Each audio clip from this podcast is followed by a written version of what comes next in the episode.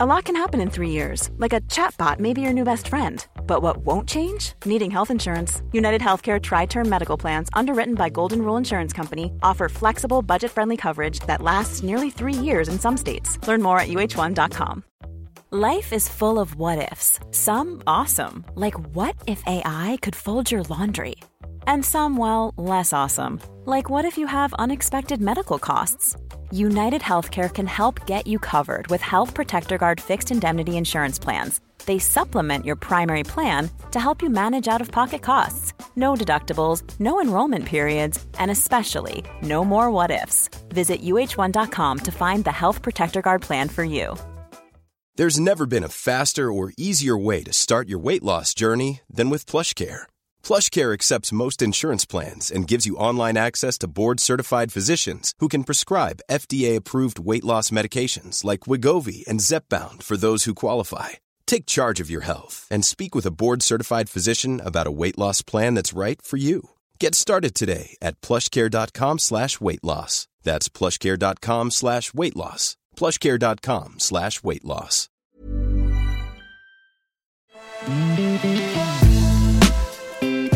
Välkommen till en av tre specialpoddar denna vecka. Alla inspelade på Gothia Cup i Göteborg.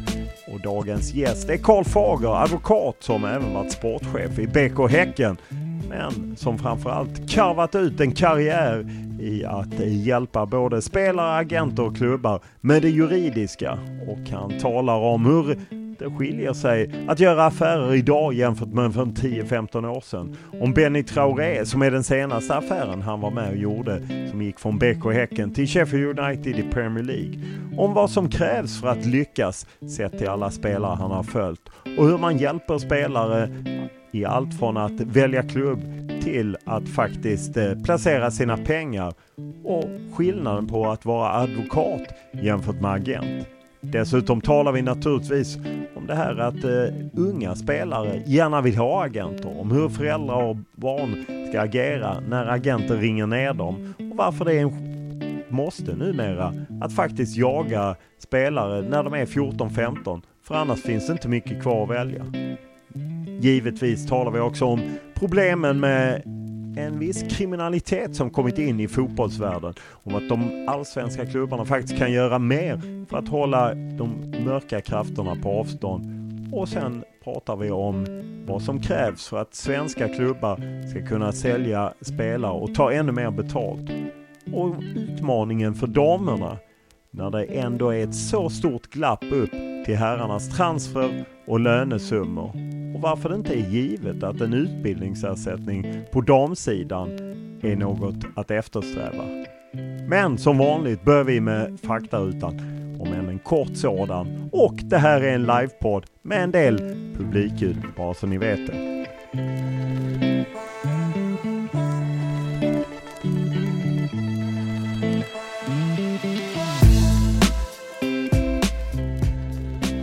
Då är det dags för eh, tredje poddgästen Lund Live eh, med eh, Karl Fager, advokat, agent eh, och eh, ja, senast eh, försäljningen är ju bara några dagar gamla. Traoré, Benny Traoré gick till Sheffield United och du var åtminstone med på bild så jag gissar att du gjorde affären. Ja, absolut, jag var med där. Det var kul. Rolig affär, alltid kul att göra affärer med de största ligorna. Ja, hur, är, hur skiljer det sig med att göra affär med Premier League och eh, mindre ligor? Eh, nej, men till att börja med är ju processen längre, pappersarbetet mycket mer omfattande. Just England, där har ju FA väldigt eh, omfattande regelverk kring eh, all admin och så vidare. Så det blir en lång och ganska så här, detaljerad process för att få igenom en sån övergång. Eh, när jag gör mina poddar eh, som eh, brukar jag alltid inleda med en faktaruta. När jag kör livepodd så blir det en lite kortare faktaruta. Ålder? 48. Bor? Donsö. Största merit i fotbollssammanhang?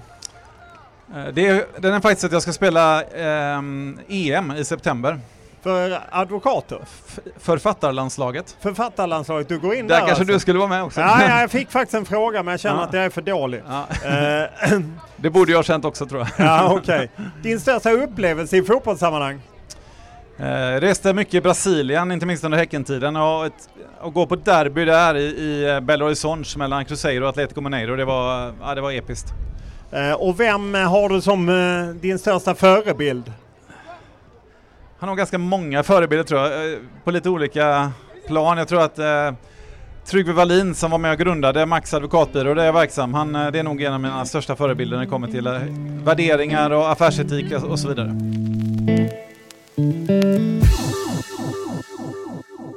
Eh, du är ju jurist. När tänkte du att nu pluggar jag till juridik? Det vanliga är kanske att man blir advokat, brottmålsadvokat eller åklagare eller domare eller affärsjurist. När tänkte du att jag vill egentligen börja jobba med idrott och fotboll? Ja, men det tänkte jag faktiskt väldigt tidigt, redan under studietiden. Och eh, när jag sen gick runt på anställningsintervjuer efter plugget, så när jag kom upp till Max så var deras byråaffisch i form av en fotboll. För de hade ju redan då en sportgrupp. Så att eh, då var, då var saken klar. Då, eh, och sen dess har jag blivit kvar på den byrån. Hur skulle du säga att eh, den juridiska delen och liksom ekonomin och allt det kring fotbollen har eh, förändrats sedan du började? mycket stor skillnad. På, bara se på den tiden kanske det fanns eh, ett par enstaka affärs, eh, affärsjurister som sysslar med idrottsjuridik. Idag är vi, bara vi, vi har en avdelning på 12 personer nu på Max och man, det finns många andra i Sverige också. Så att det har professionaliserat något, något otroligt. På den tiden var det nästan mer att man förutsättes göra det där ideellt för att det var kul. Nu anlitar ju egentligen alla, vid, vid en internationell övergång idag så anlitas ju alltid en jurist egentligen för att säkerställa arbetet. Eh, vad är skillnaden på en agent och att vara en advokat? En ad agent är väl mer en, någon slags mäklare kan man säga, medan advokaten är väl den som säkerställer det legala eh, runt affären. Eh, för att det, vad jag förstått så, jag menar som agent så skri, kan man ju skriva ett avtal på två år med en spelare. Men som advokat får man väl inte för måste man inte ta betalt per eh, timme och man kan inte ta betalt i procent som ofta agenter gör? Man får ta skäligt arvode så att man kan absolut ha en, en rörligt, det behöver inte vara per timme på något sätt. Vad är ett skäligt arvode vill jag då gärna veta? Ja, det beror, det, enligt Advokatsamfundet beror det på nedlagd tid, arbetets svårighetsgrad och utfall. Ah, okay. Ja, så att eh, det, det, går, den, den delen äh, löser man, men, men däremot är det så att som advokat får jag inte ha långa exklusiva avtal, det är riktigt. Hur eh, försvårar det eh, för en advokat som vill vara i den här branschen? Det beror på. Det försvårar för en advokat som vill ha långa exklusiva avtal. Men, men för egen del, jag har aldrig haft någon behov av att jobba med spelare som inte vill jobba med mig. Så att, eh, jag, för mig har det, har det tvärtom varit nästan ett, ett säljargument. Samtidigt, du jobbar väl ihop med Global Soccer Management. Stefan Selakovic har jobbat för dig tidigare, Patrik Mörk. De är klienter på byrån, absolut. Ja, de är klienter. Mm. Hur, hur tajt sitter ni ihop? Ja, men vi har ett tätt samarbete, absolut. Eh, så att är ni en del av, är det på något sätt ha den bästa av två världar att, att man sitter ihop en advokat och ett par agenter? Ja, nej men det kan vara en bra kombo. Vi tycker, det var ju så själva idén när jag gick in i, i agentbranschen så att säga så såg man ju, e- på den tiden var det bara enmansagenter. Medan jag såg en styrka i att kombinera på något sätt agenternas nätverk med kanske en advokatbyrås kompetens när det kommer till det legala och så vidare. Så det är ju själva idén egentligen att man ska kunna mer och göra bättre jobb.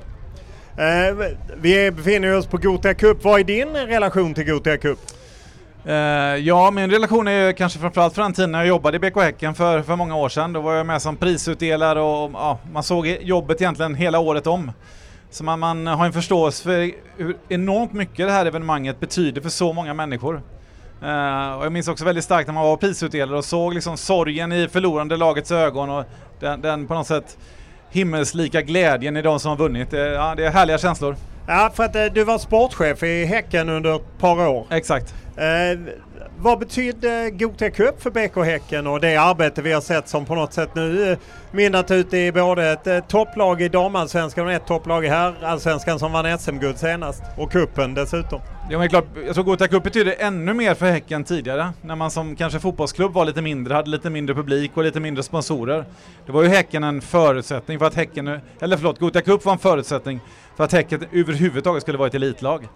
Eh, men det är ju fortfarande en, liksom en, och säkert nu när man har byggt upp med Partille Cup och andra evenemang så är det ju en motor i hela föreningen. Eh, så, så, nu är inte jag på insidan längre men det är klart att det är superviktigt för BK Häcken som, som förening. Hur resonerade du när du lämnade lite advokatvärlden för att gå in och vara eh, sportchef i Häcken? Vad var det som lockade dig in i, till det jobbet? Jag är ju hysteriskt fotbollsintresserad. Det är klart det är en dröm att och, och, få jobba i en klubb och se hur det kan vara. Så att, eh, det var fantastiskt lärorikt. Och, och blev för mig en crash course i management. Eh, fick ansvara för sälj, marknad, rekrytering. Ja, det var ju otroligt lärorikt för en, liksom en 29-årig pojkspoling. Ja, för oss som minns Häcken då minns ju framförallt värvningen av Stig Töfting. En dansk hårding eh, med eh, rätt många negativa rubriker kring sig, i varje fall innan han kom hit. Hur, hur var det? Ja, men Stig var faktiskt en fantastisk person. Han, vi läste ju faktiskt, vi satt på kansliet och läste att han, Ålborg, eller Århus hade släppt honom för att det var något bråk då. Så Åke Nilsson, ordföranden, sa Karl ring honom. Så att, ja, jag ringer och så, så prövade jag bara och så gick det vägen. Helt otroligt. Och han är ju en fantastisk person, otroligt lojal, eh, gladlynt, smart men också en väldigt, väldigt duktig fotbollsspelare. Vi hade ju ett otroligt mittfält med honom och Olle Jonsson där ett tag. Vad eh, fick dig att lämna efter relativt kort tid? Ja men det var, jag var där fyra år och hon som var chef för sportavdelningen gick i pension och de ringde mig och där och då fick man lite göra ett val. Jag tror att det var borta mer än fyra år ja, men då, då stängdes nog den dörren. Och då kände jag, okej okay, vill jag vara liksom i, som konsult eller vill jag vara i föreningslivet? Och då, då valde jag helt enkelt att gå tillbaka till advokatbyrån. Eh, om man säger, vad hade du för nytta av det du hade lärt dig som sportchef i Häcken i förhandlingar och liknande när du plötsligt på något sätt kanske oftare representerade spelare? Nej, men, nytta på så många plan. Till att börja med blev man ju en i fotbollsfamiljen. Det vet ju du vad det innebär. Eh, det begreppet alltså att Innan när man var advokat och sålde till klubbarna så, vem är du och ska ta våra pengar ungefär? Nu var man, här, tjena Karl kom in! Man var liksom innanför, man var inne i värmen. Det var det ena, sen lärde man ju sig också hur klubbar resonerar, man kunde prata med dem på deras vis. För man hade suttit på deras stol. Så att det var otroligt lärorikt på många sätt. Eh, om eh, du sen eh, jobbar vidare eh, som agent eller som advokat ihop med agenten, vad, vad är den största förändringen från när du kom tillbaka på marknaden och fram till idag? Ja, den största förändringen om man ser på, på advokatsidan är det ju att klubbarna och, och, det har blivit väldigt mycket mer kommersiellt, professionellt, man använder advokattjänster i en mycket större utsträckning. På, på agentsidan är det ju att det, liksom, det är hundra gånger mer agenter, det är ju helt galet. Här i Göteborg, när jag slutade 2008 så fanns det två agenter. Eh, det var egentligen Kent Karlsson och Janne Olsson. Och i den vevan åkte ju Kent in i fängelse och Janne gick i pension. Så jag kunde ringa en 19-årig Pontus Wernbloom, u landslagsstjärna och han hade ingen agent. Idag är ju liksom, jag är ute och kollar på ett gäng 14-åringar där, de är ju liksom tingade allihop. Eh, så att det är en otrolig skillnad. Ja, och är det, det låter ju som att, eh, att det är på ett sätt bra att spelare kanske har mer att välja på, eller finns det något negativt av det att det är plötsligt många fler? Ja men det goda är väl det som på alla marknader, det goda är väl att om det finns fler alternativ kanske man kan få bättre hjälp. Men det dåliga är som jag kan tycka är ju att 14-åriga barn liksom lägger tiden på, på agentval och, och, och, och, så ska agenterna sälja in sig och många 14-åringar behöver ingen agent om man exempelvis är en akademi. Ja, men då måste man ju motivera, då har man, ja, men jag kan erbjuda PT och vi kan åka på provspel och så börjar den här agentcirkusen som förstör barns karriärer. Ja, eh, vi, till och med jag får av kompisar som har barn och, och liknande och vem ska man välja och de är mm. uppvaktade och så. Vad, vad är ditt råd till någon som är 14-15? För jag menar du åker ju ändå ut och kollar på dem. Eller är det inte ett syfte att rekrytera dem? Utan tvekan GSM och scout upp plats och rekryterar spelare i den här åldern. Det måste man göra för att annars är, är det kört. Är det så alltså? Så är det. Så är det. För man eh. får väl inte ta någon innan de är 15? Nej, man tittar när de är 14 och så approcherar man när de blir 15. Ja, okej. Okay. Eh, och, och, eh, och, nej men jag, jag jag, jag, kan tycka att det är, ja, det är på, på, gott och ont helt enkelt. Eh, om man ser till den eh, nackdel som finns med att eh, det, kommer, det blir sån hård konkurrens, det talas mycket om presenter, kontanter, man kanske anställer föräldrar och, och liknande. Hur, hur ser du på det? Hur sant är det? Som sagt, jag jobbar inte så mycket på ungdomssidan för egen del, så att, eh, men eh, jag tror att det är relativt sant. Det, det, det händer mycket som, eh, ja, det är en otrolig, otrolig aktivitet föräldrar och även barnen själva utsätts för mycket stor påverkan, både tillbörlig och otillbörlig. Eh, hur ska man som eh, förälder eller eh, barn skydda sig mot det? Går det ens? jag tror rådet är väl att till att börja med att ta det lite lugnt. så att man liksom inte, man kan bli, många barn och föräldrar blir smickrade av att uppvaktas och så blir man, ja, så rusar man in och hamnar i dåligt sällskap.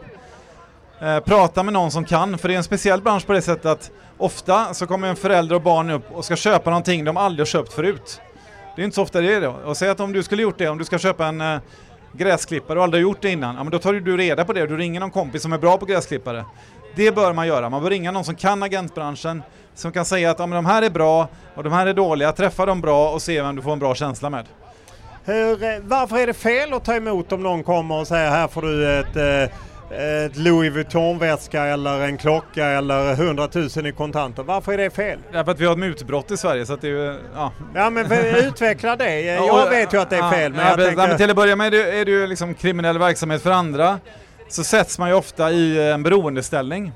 Uh, om du sen exempelvis ombeds skicka pengar via ditt konto eller om du kanske till och med ombeds att uh, ta ett gult kort den femte minuten. Uh, uh, nej det vill jag inte göra. Du den här, de där hundratusen vill vi ha tillbaka då? Nej det vill vi inte göra och så knackar det på dörren sent på kvällen. Så att det, det, agentbranschen är som, som alla branscher, det finns väldigt goda aktörer och det finns lite dumma aktörer. Och eh, ja, man, man, får passa sig för det har kommit in, det har kommit in, eh, det har kommit in eh, mörkelement, så är det ju. Eh, hur ska man vem har ansvaret för att stänga ute de här liksom, mörka elementen? Är det polisen eller är det klubbarna eller är det, det är privatpersonerna? Det är väl vi alla någonstans. Jag såg att AIK igår gick ut med att de har en ny policy för agenter i ungdomsverksamheten. Där de pratade om stängda träningar, apropå stänga ute då. Så att jag tror klubbarna själva kan göra väldigt mycket. Jag tror man har fortfarande, efter, trots att det har pågått i en 5-6 år, är tagna på sängen och inte vet, eller jag vet att de inte vet hur man ska hantera detta. Uh, sen finns det ett föräldraansvar, sen kanske inte alltid det finns på plats.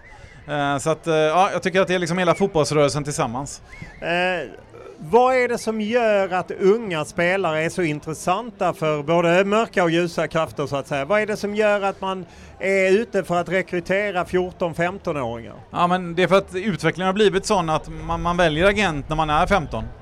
Så att om du då inte liksom på något sätt skaffar dig spelare där så är du inte med. Så att det är så, hockeyn har haft det så längre att liksom, där väljer man ju liksom, det året du, du blir 15. Eh, och där är fotbollen också idag. Så att det är mer bara för att, eh, jag tror i grunden, om man tar en spelare som spelar i IFK Göteborgs akademi som är 15 år, behovet av, av, av rådgivning är ganska begränsat. Det kan man få utan att skaffa sig en formell agent egentligen. Men, men någonstans eftersom alla är på där och om du inte har en agent så börjar folk, fortsätter folk jaga så du måste nästan skaffa en agent för att inte ha dem i telefonen hela tiden. Det, det blir ett helsike för föräldrarna till slut. Ofta är det ju, vi såg ju Hugo Larsson eh, dyrast i allsvenskans historia när han gick iväg. Alexander Isak som är tvåa var ju också väldigt ung. Eh, Zlatan var ju hyfsat ung när han gick. Vad är det som gör att de utländska klubbarna just vill ha så unga spelare? Ja, men det är för att det är andrahandsvärdet. Eh, särskilt liksom nordeuropeiska klubbar, Holland, Belgien, Tyskland vill ju köpa en 19-20-åring för att sen sälja honom som 22-23 till Premier League.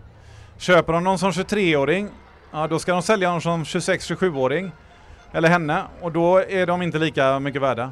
Så att du behöver nästan ta dem som 19-20 för att kunna sälja som 23 om, om det här kommersiella eh, resonemanget är, är, känns okej, okay, men det är så det funkar. Ja, och jag menar det är ju även, eh, jag menar, nu gjorde ju du Benny Traoré, mm. det var väl en viktig affär för Häcken, eller? Ja, absolut, absolut. Eh, så att kommersiella är ju även svenska klubbar, att det finns ju på något sätt två sätt att riktigt tjäna pengar, det är att sälja spelare eller spela i Europa och helst ska man göra både och.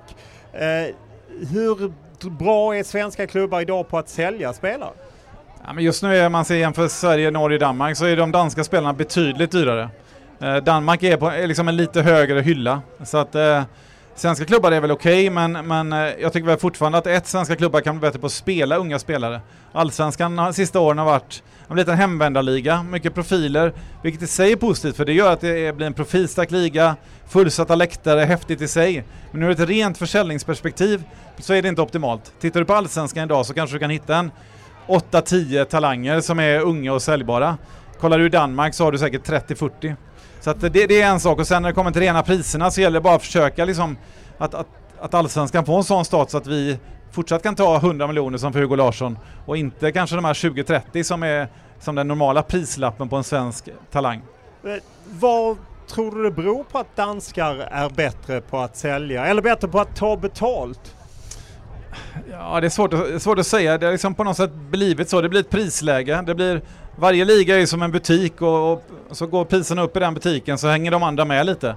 Brönnby ser hur eh, Midtjylland säljer för 110 då vill vi också 110 och så och sen är det klart, man ser också fler danska spelare som har lyckats än svenska spelare i Europa. Så att danska Ja, spelare har det- ett väldigt bra rykte helt enkelt. Hur mycket spelar det roll? Vi har ju ändå sett danska landslaget som de spelade VM även om det inte gick så bra. De var i en EM-semifinal 2021. Nu har de i och för sig inlett EM-kvalet knackigt precis som Sverige. Men hur mycket spelar det roll i priset att, att landslaget är bättre? Ja, det vill det säga att spelarna antagligen är Det bättre. spelar absolut roll och framförallt om de är bättre med, med, med, med unga spelare. Som ju, Sverige har ju haft ett landslag som har varit väldigt erfaret i vart fall fram till för något år sedan eller två.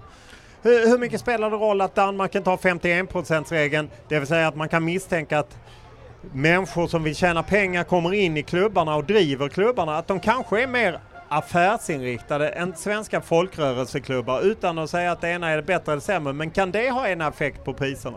Det tror jag är en ganska stor eh, effekt faktiskt. För om man, om man tar en, hall, en, en dansk klubb som är ett vinstdrivande bolag, det är klart det är bättre att spela en 19-åring än en 27-åring. För vi kan sälja 19-åringen. Om vi har en ideell förening i, vad är syftet med den? Ja, vi ska vinna våra matcher. Och då är det bättre att spela 27-åringen än 19-åringen.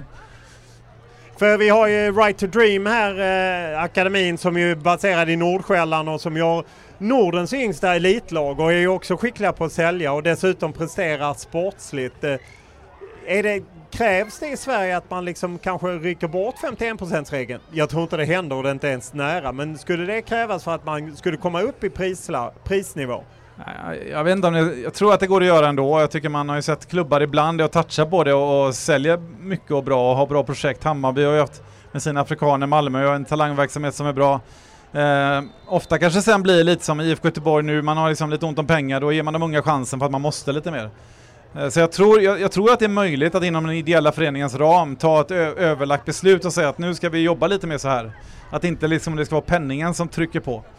Eh, när du började som advokat och jobbade mot agenter och sälja spelare så gissar jag att ni hade noll eh, kvinnor i stallet.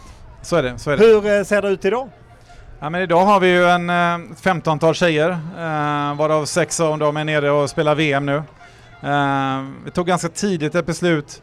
Jag, är lite, eh, ja, jag har tre döttrar, jag har tränat två av dem i fotboll och ja, så att jag liksom på något sätt brinner lite för att alla ska få samma chans att bli bra. Eh, så det, gjorde vi tidigt.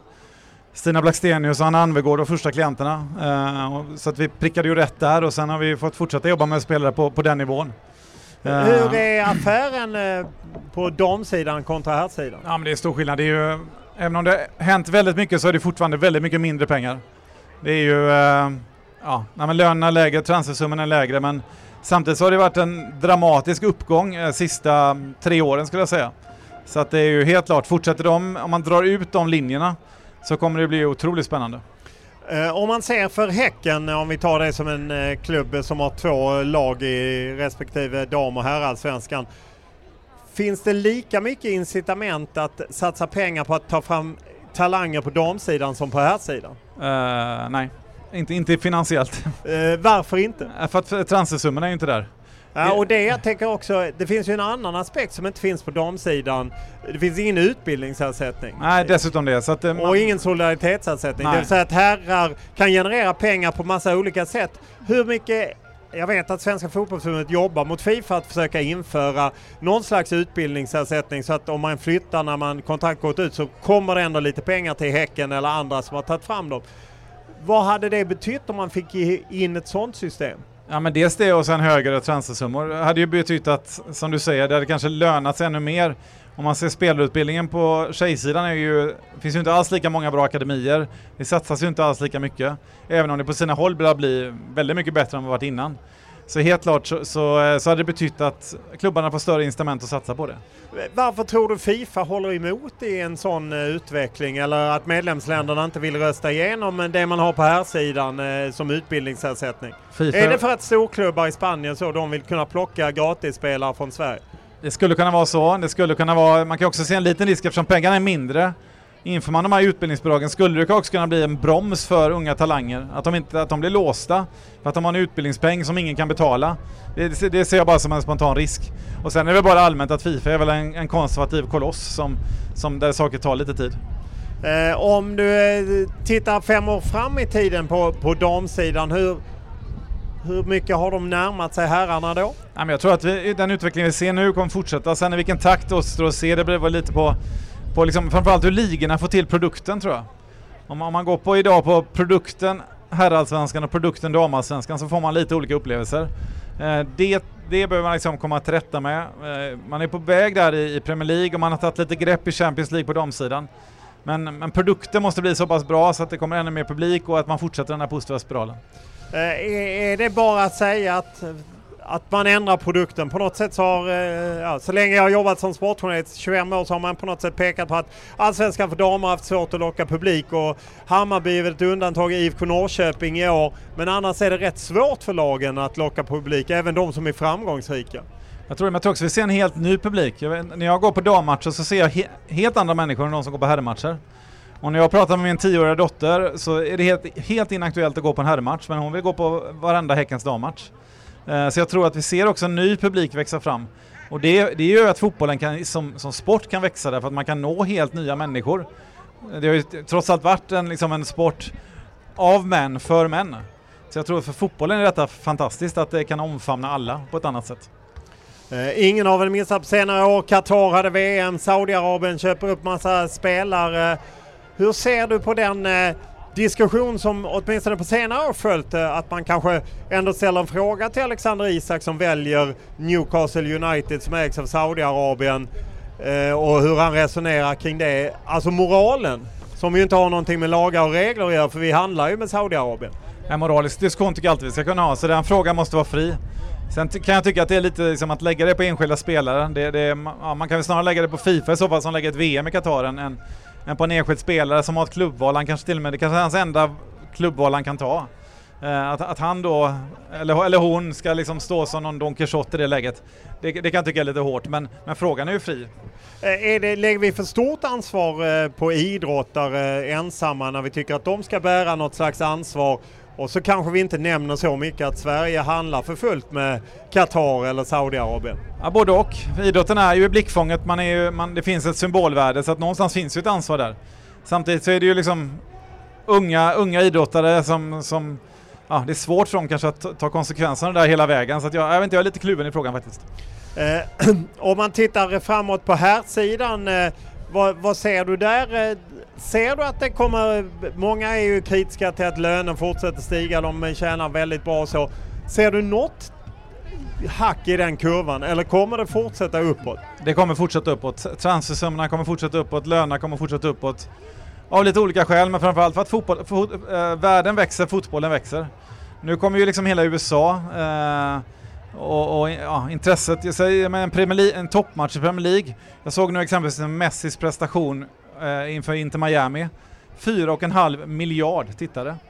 Det är klart, om man bara tänker på det kommersiella värdet av 4,5 miljard, ja det, det, alltså det är ju det är otroligt. Så det är klart att det genererar otroliga värden och de tycker jag till och med skall spela ner på, på transfersummor och löner. För vem kommer det annars? Annars är det ju rika ägare som bara blir ännu rikare.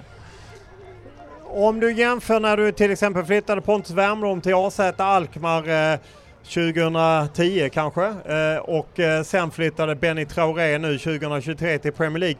Vad skiljer, eh, bortsett från att det är olika ligor, men vad skiljer en affär 2009-2010 mot en 2023?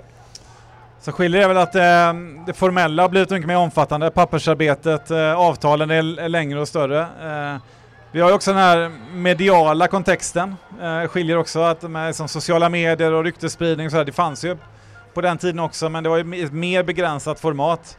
Eh, och också att spelarna själva påverkas liksom av, av det eftersom man liksom lever i sina mobiler hela tiden. Så det är väl de största skillnaderna. Annars, liksom, rent om man skalar av det så är det fortfarande en, en fotbollsspelare som byter från en klubb till en annan. Så det finns fortfarande också stora likheter. Eh, då var det väl eh, vi kanske inne från Fotbollskanalen eller Expressen, men det var ju en annan transferjournalistik än vad det är idag. Idag var ja. ju rena transferspecialister. Jag menar, Fabrizio Romano ute i Europa och många därtill. Och jag menar, det finns ju Arne Lavdic, Donny Kristoffersson och andra här i Sverige. Hur, hur är, följer du den och hur följer spelarna den rapporteringen? Uh, nej men jag, jag brukar mest följa den via ja, Twitter och Fotbollskanalen. Ja. Uh, det är ju mer för att dels tycker jag det är kul och dels är det ju en del av jobbet att ha koll. Uh, och spelarna följer den, de, många av dem följer den väldigt, väldigt noga. Man märker det liksom att kommer det ut ett rykte så kan spelaren fråga mig ett par minuter senare sådär, stämmer det här och så vidare. Så att det, det är någonting, eh, det är som ett flö, ständigt flöde som man, som man lever med. Det är svårt att, att, att ja, skärma sig från det faktiskt. Hur ofta vet du, ja nu kom den uppgiften, hur ofta vet du att ja, men det är ett rykte som kommer därifrån och det stämmer inte eller det stämmer? Hur, hur mycket liksom placeras, oavsett, det kan ju vara agenter men det kan ju lika gärna vara sportchefer eller faktiskt egna sp- spelare själva alltså, som vill vara ut i information. Nej, och, och liksom tidigare var det ju, när det var liksom fanns färre kanaler och färre personer inblandade kanske, så var det ju kanske liksom lite tydligare liksom, tre personer vet om det och en av de två journalisterna skriver om det, okej, liksom, den personen läckte till den. Nu är det ju mycket mer liksom, disparat, det är mycket svårare att säga. Så att, eh, men, men ofta vet man väl att, eh, ja, man kan ana att, eh, ja just det, ja, men sådär är det, jaha nu kom det ut typ. Medan ibland kommer ju saker, liksom, tre av fyra saker stämmer ju inte. Förr i tiden så var det ju sällan man såg agenter eller advokater på bild medan nu är det ju legio. Här sitter man och skriver på, det tas ofta bilder med spelare och klubbledare, spelare och agenter och flera rådgivare. Ja. Hur viktigt är det att få ut sånt i sociala medier? Nej, men det har väl blivit en praxis någonstans och det är väl, eh, om man, om man ser det så, så vill ju spelare och klubbar jobba med, med rådgivare som gör affärer och som, som, så att, att synas i rätt sammanhang. Ja, det är väl en del av den här kultur, sociala mediekulturen också då. Så att, eh, ja, det, det, är- det är nog bara att gilla läget där. Eh, om eh, en 15-16-årig kille eller tjej skulle fråga dig, vad är de viktigaste råden? Min dröm är att spela i en av de stora ligorna. Vad är, vad är de viktigaste råden du hade gett? Ja, men det viktigaste är nog att eh, ha ett visst tålamod och jobba över tid. Eh, och sen också att hålla huvudet lite kallt och, och, och eh, kunna ta motgångar. Det är lätt, väldigt lätt att vara bra i medgång men det är motgång som på något sätt karriärer avgörs. Framförallt kanske i den mycket svåra övergången när man går från junior till senior. Det är, det är på något sätt eh, varje fotbollskarriärs skärseld. Uh, eh, och, och tittar man då på spelare, jag, menar, jag har ju ändå förmånen att följa, kanske liksom se direkt och indirekt ett hundratal spelare. Ser man spelare som har haft väldigt, väldigt framgångsrika karriärer som Pontus Wernbloom, Gustav Svensson. Det, det är som jag, det är ju liksom inga trollkarlar kanske. Men de har liksom ett otroligt starkt mindset, liksom går, tar sig igenom varje motgång uh, och, och, uh, och på det sättet liksom så, då blir man hela tiden lite bättre. Medan man ser andra ja, väldigt, väldigt talangfulla spelare men som kanske, ja man kanske lockas till fel rådgivare, man kanske tar dumma beslut i relation till sin tränare, till sin klubb och så vidare. Så att eh, jag tror att, att, att ha ett starkt, starkt psyke och en, som en smart skalle, det är minst lika viktigt som eh, att kunna trixa till, till tusen. Ja, är det till och med viktigare att vara stark mentalt kontra att man eh, har en oerhörd talang? Jag tror faktiskt det, säkert när vi pratar om allt med sociala medier, utmaningar, vi pratar om rådgivare, vi pratar om klubbval. Man ställs inför så många beslut och ska också leva livet varje dag. Och kunna gå till träning och prestera varje dag. Det, det är utmaningar på så många håll så att, att få det att hålla ihop över liksom tio år, det är ju liksom 3650 dagar. Och ännu fler timmar, det, är liksom, det gäller att hänga i där. Eh, Man eh, läser ju då och då om eh, en spelare som kanske placerar sina pengar och kanske inte har allting kvar. Jag menar, Sven-Göran Eriksson är ett exempel, nu har han tränare med Henrik Stensson, golfare och så. Hur viktig är den rollen när man är agent, rådgivare, advokat eller lämnar man det till spelaren själv?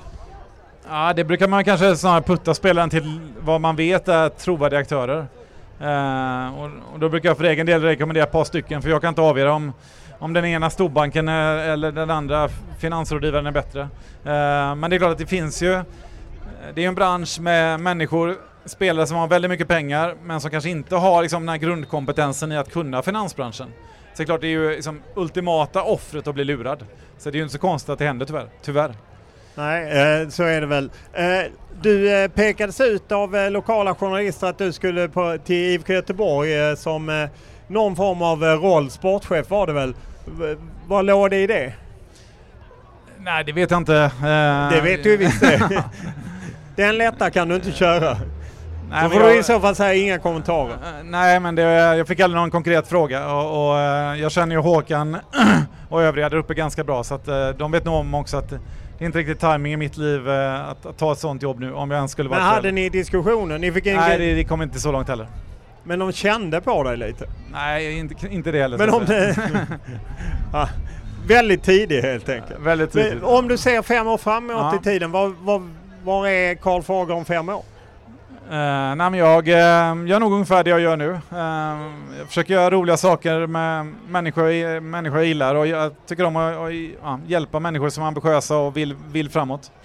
Så att, och jag har en ganska fri roll på byrån. Liksom de, de vet, ja, det är inte så att jag behöver stämpla in 8 till 5, de vet, vet efter över 20 år där att jag att jag kan min sak så att uh, jag är på ett bra ställe i livet tycker jag. Vad jobbar du mer än, uh, jobbar du bara med spelarförsäljning eller vad jobbar du mer med? Jag jobbar också en del med M&A, alltså inte bara köpa och sälja spelare utan också köpa och sälja företag. Sen sitter jag lite i styrelser, uh, kör ju också en egen podd och skrev ju också en, en, bok om förhandlingsteknik. Så att, jag tycker om att ha lite olika järn i elden. det ger mig energi och, och gör att jag utvecklas. Hur mycket jobbar du med mot eh, idrottens skiljenämnd i Schweiz, CAS till exempel, eller om det skulle hamna i skiljenämnd här eller den typen av grejer. Det, trots allt så händer ju det att man blir oense i affärer. Exakt, men där jobbar jag väl mindre själv operativt. Vi är ju över tio pers på byrån som jobbar med, med idrottsjuridik och Marianne Lindart som vi varit med i din podd mm. och Daniel Westlund gör ju många sådana processer. Så att jag, ibland kommer de ju till mig genom att någon ringer och ber mig hantera det men då, då lotsar jag det vidare på byrån. Hur eh, mycket bättre har idrottsvärlden och fotbollsvärlden blivit på att hantera den typen av konflikter? Eh, finns det mer regler idag? Ja, det finns mer regler, men jag tycker fortfarande att det finns, finns mycket att göra där. Eh, och det hattas lite med regelverk och... och eh, eh Vad efterlyser du för konkret? Ja, till att börja med tycker jag väl kan man, det kan fortfarande bli mer transparent. Det finns fortfarande liksom lite hysch kring hur de här processerna går till. Eh, domarna får man begära ut om man ens ska få ett domskäl. Eh, så att jag tycker att det, och det, det, och det gör i sin tur att det saknas på något sätt. Om när Högsta domstolen dömer i Sverige så kan alla läsa den domen, man kan lära sig och ha en förutsägbarhet inför nästa dom. Så de här skiljedomarna, det är ju, fotbollen vill ju ha det ja, vi dömer själva och idrotten vill ju ha det så. Och det finns fördelar i det, men det gör ju också lite att det är svårt för folk att lära sig. Så det kommer liksom ingen praxis riktigt. Uh, inte tillräckligt mycket i vart fall, så det, det skulle jag efterlysa. En, en större öppenhet ja, helt enkelt? större öppenhet. Eh, om man ser till att de inför licens nu för agenter, som man tog bort Fifa 2015, nu återinför man. Har det egentligen någon konkret betydelse? Eh, ja men det tror jag kommer få en, en, mycket stor betydelse. Det här regelverket är ju väldigt omfattande. Vi sätter ju gräns på hur mycket agenter får ta betalt, eh, reglerar, eh, kommer ju, apropå agenterna kommer ju så att säga tvingas till en enorm transparens. Man kommer ju egentligen, tanken är ju att man kan logga in på en plattform och se i varje affär exakt vilka agenter som var med och exakt vad de tjänade. Eh, det är ju nästan unikt. Inte vi journalister, men ni kommer kunna, eller även vi? Ja, det får vi, jag sagt, det återstår att se. Plattformen är inte framme men jag ser hur du slickar dig om munnen på ja, den tanken. Ja, det är ju fantastiskt i så fall. Eh, och det, men agentföreningar i, världen över har ju protesterat kraftigt mot detta. Eh, och det kan man ju lite förstå, det finns ju ingen annan bransch där alla avtal är offentliga. Eh, där, där alla pengar är helt offentliga och, eh, och där dessutom man, en, en, någon slags eh, pseudomyndighet sätter en gräns på hur mycket man får ta betalt. Nej, och kan man inte väldigt lätt gå runt det? Säg att det är två klubbar som tävlar om en spelare så kommer man kanske hitta en väg runt det. Ja, de har ju försökt att säga, ja, det finns ju other services som ska räknas som agentarvode och så, här, så det, det är klart, de, det, det, blir ju lite så när man det är som med all reglering. Har vi Systembolaget så alltså kommer det folk som beställer på nätet från Danmark. Det, regleringarna medför ju det att folk försöker springa runt regleringarna. Så det, det återstår väl att se då när det här kommer första oktober hur det, hur det kommer te sig. Men jag, jag hoppas att Fifa kommer anställa många hundra jurister för att annars kommer det bli tufft tror jag. Ja, eh, och eh, det är ett bra yrkesval för andra. Och för att återknyta till där vi började, Benny Traoré det är ju inte många svenska anfallare som gått från allsvenskan, eh, eller han är ju inte svensk men han har ju spelat i allsvenskan. Det är rätt ovanligt att man går från allsvenskan till Premier League direkt. Ja det är ju det. Vad talar för att han lyckas i Sheffield United? Talar, så, ofta kanske man, när man liksom går upp en nivå så kan man ibland falla på fysiken lite men han har ju en extrem snabbhet, en teknik tror jag som borde vara god nog så att eh, eh jag tror att Premier League är en rätt öppen liga på det sättet så jag tror att med sin snabbhet så kommer han vara liksom ett hot där. Det, det, det, borde gå, men sen, ja, det återstår att, se, återstår att se helt enkelt. När Premier League och Sheffield United kommer in och med de resurser som finns där, kan ingen annan liga konkurrera? Ja, om man inte talar Saudi och Kina. Nej, kan. så är det ju egentligen. Premier League är ju den, ja, det är ju den enda ligan nu, såg någon statistik som är netto, alltså köper för mer än man säljer. Saudiska ligan kan väl räknas till den också? Ja. Saudi är med där också. Ja, eh, så att det, Premier League är på något sätt, den finansierar ju hela transfercirkusen idag och Saudi nu då. I meningen att man köper ju, ja men någonstans nu köper ju Sheffield från Häcken. Eh, nu kommer Häcken köpa av någon annan som köper av någon annan. Det är det här domino-spelet som man ser fram till sista augusti. Eh, och där är ju England de som hela tiden drar igång de dominobrickorna. Nu tappar ju då Häcken. Benny, eh, vad talar för att Häcken tar sig till Champions League?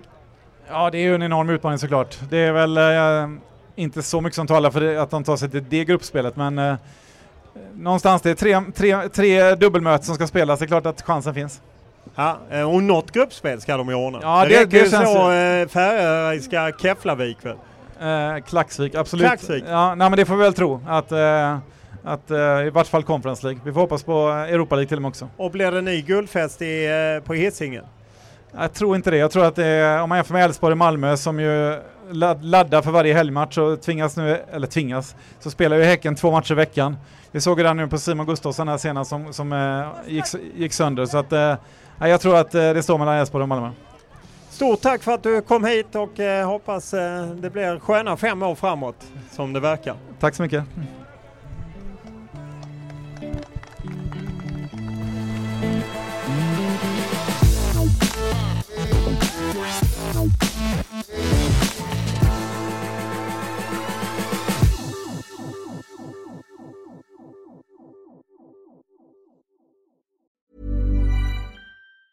Planning for your next trip? Elevate your travel style with Quince. Quince has all the jet setting essentials you'll want for your next getaway, like European linen, premium luggage options, buttery soft Italian leather bags, and so much more. And it's all priced at 50 to 80% less than similar brands. Plus, Quince only works with factories that use safe and ethical manufacturing practices. Pack your bags with high-quality essentials you'll be wearing for vacations to come with Quince. Go to quince.com slash trip for free shipping and 365-day returns. Mom deserves the best, and there's no better place to shop for Mother's Day than Whole Foods Market. They're your destination for unbeatable savings, from premium gifts to show-stopping flowers and irresistible desserts. Start by saving 33% with Prime on all body care and candles. Then get a 15-stem bunch of tulips for just $9.99 each with Prime. Round out Mom's menu with festive rosé, irresistible berry chantilly cake, and more special treats. Come celebrate Mother's Day at Whole Foods Market.